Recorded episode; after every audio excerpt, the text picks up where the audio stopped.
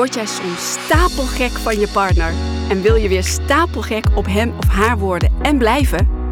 Welkom bij de Stapelgek Podcast. Er zijn drie soorten seks. Ja, veel meer soorten seks, maar laat ik ze bundelen tot drie soorten seks. En kan het zomaar zijn dat ik ook zin krijg, maar soms is het gewoon niet zo. Dan hebben we functionele seks. Voor hem is het dan lust, voor mij is het functionele seks.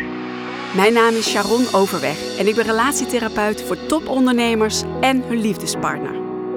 In deze podcast ga ik met je hebben over het mooiste, maar misschien wel het moeilijkste en het meest gecompliceerde dat er bestaat. Jawel, de liefde.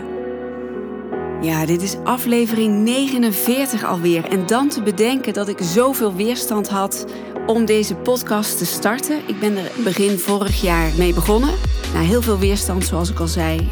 En dan zit ik nu al bijna op de 50ste aflevering. Waar zal ik het over gaan hebben, die 50ste aflevering? Misschien vraag ik Olivier, mijn man, wel of hij in deze podcast wil. We hebben wel, uh, er zijn wel een paar interviews van ons. Die heb ik gedeeld in deze podcast feed. Toen waren wij te gast in andere podcasts. Maar het is natuurlijk, hij moet natuurlijk ook gewoon in mijn eigen podcast een keer, toch? Of heb je een andere suggestie voor mij?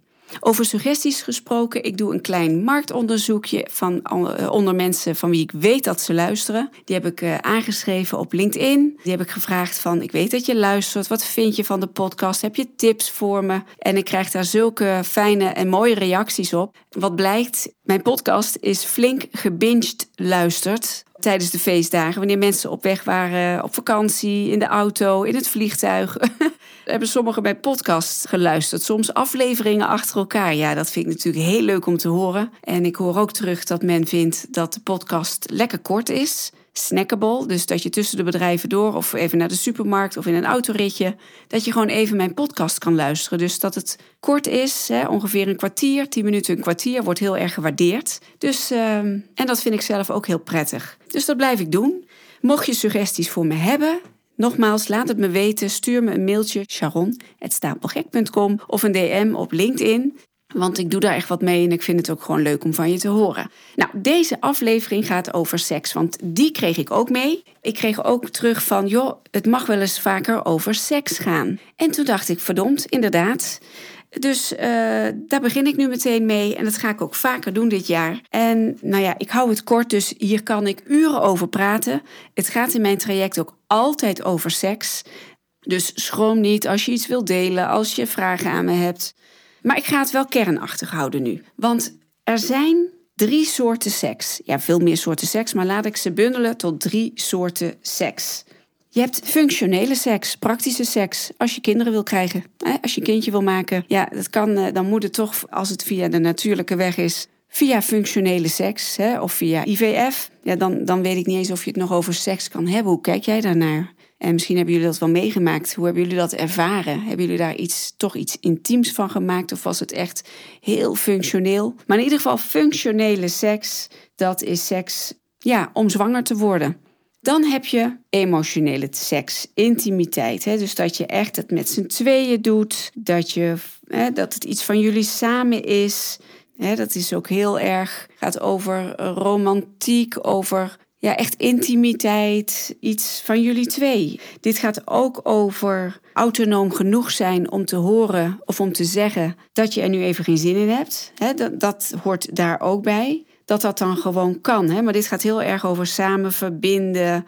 Ja, iets van jullie samen. Maar ook dus grenzen aangeven. De grenzen van de ander respecteren. Maar ook dus dat de een of dat jij zegt, nu even niet. En dat dat dan oké is. Emotionele seks. En dan heb je lust. Dus dat, is, dat gaat echt over lichamelijke aantrekkelijkheid. Echt lust. Ja, het, het, omdat het gewoon heel lekker is. Nou, lust en emotionele eh, seks, dat kan ook samen. En je wisselt sowieso af. Als jullie nog seks hebben, veel van mijn stellen die bij me starten hebben al een hele poos geen seksualiteit meer ervaren samen. Maar als jullie dat nog wel hebben, wat voor soort seks hebben jullie dan meestal? Want het kan natuurlijk best wel eens zijn dat je functionele seks hebt, omdat, nou laat ik heel open zijn, dat ben ik hier ook in deze podcast.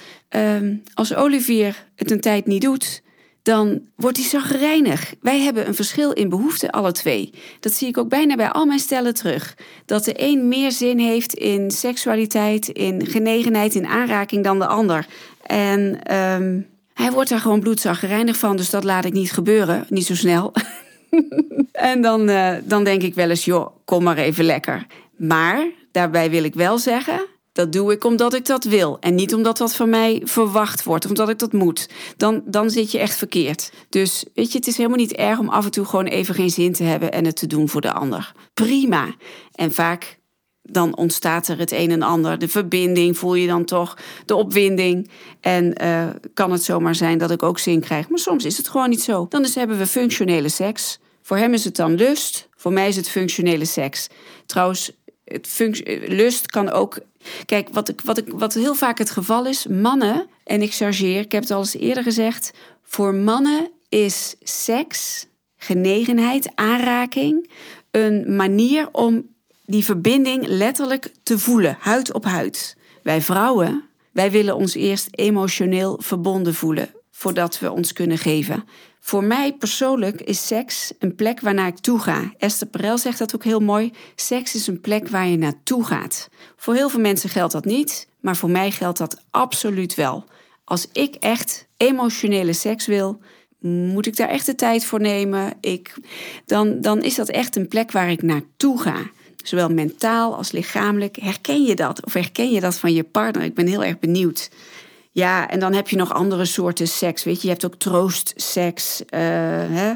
Dat is voelen dat je samen bent, het goed maken na een ruzie. Geïsoleerde seks gaat heel erg over, over prestatie, over ontlading. Synchroon seks, hè? dat je het echt samen doet. Maar goed, oké. Ik heb het nu even kernachtig opgedeeld. Functionele seks, emotionele seks en lust. Ja, dit zijn gewoon hele mooie gesprekken om met elkaar uh, te gaan voeren van wat voor seks hebben wij. En daarvoor geef ik je een aantal vragen die je daarvoor kunt gebruiken. Vraag 1. Wat betekent seks voor jou? En wat gaat er al goed in jullie seksleven en wat gaat er minder of niet? En hoe kan dat, denk je? Mooi om elkaar te bevragen. Wat kreeg je vanuit huis mee? Welke boodschap kreeg je mee over seksualiteit en intimiteit vanuit huis? Hoe staat het met je seksuele verlangen? Is dat veranderd misschien wel in de loop van de jaren of maanden? de hele wereld verandert, jij verandert. Dus je seksuele verlangen, je behoeften kunnen ook veranderen. Dat is heel normaal. En durf je dat te uiten? Praten jullie vaak over seks of juist helemaal niet? En waarom dan wel of niet? En wat levert het jullie op? En durf jij je grenzen aan te geven aan je partner en vice versa? Weet je, hele mooie vragen. Het is weer voer voor een mooi gesprek. Dus ga het aan. Praat over seks. Is super belangrijk. Want ja, wat ik al zei, jullie wensen daarin kunnen veranderen. Dat is heel normaal. En die veranderen vaak dus ook. Dus heb het erover. Seks is heel normaal.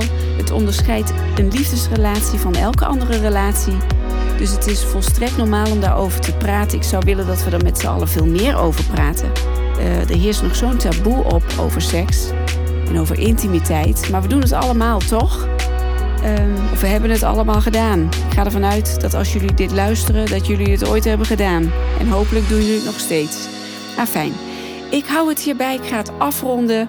Ik ga Olivier vragen of hij volgende week in mijn podcast wil komen. Moet ik even zien hoe we dat doen met twee microfoons. Nou, dat vraag ik wel aan Sander, mijn uh, editor van deze podcast. Die heeft daar vast een goede oplossing voor.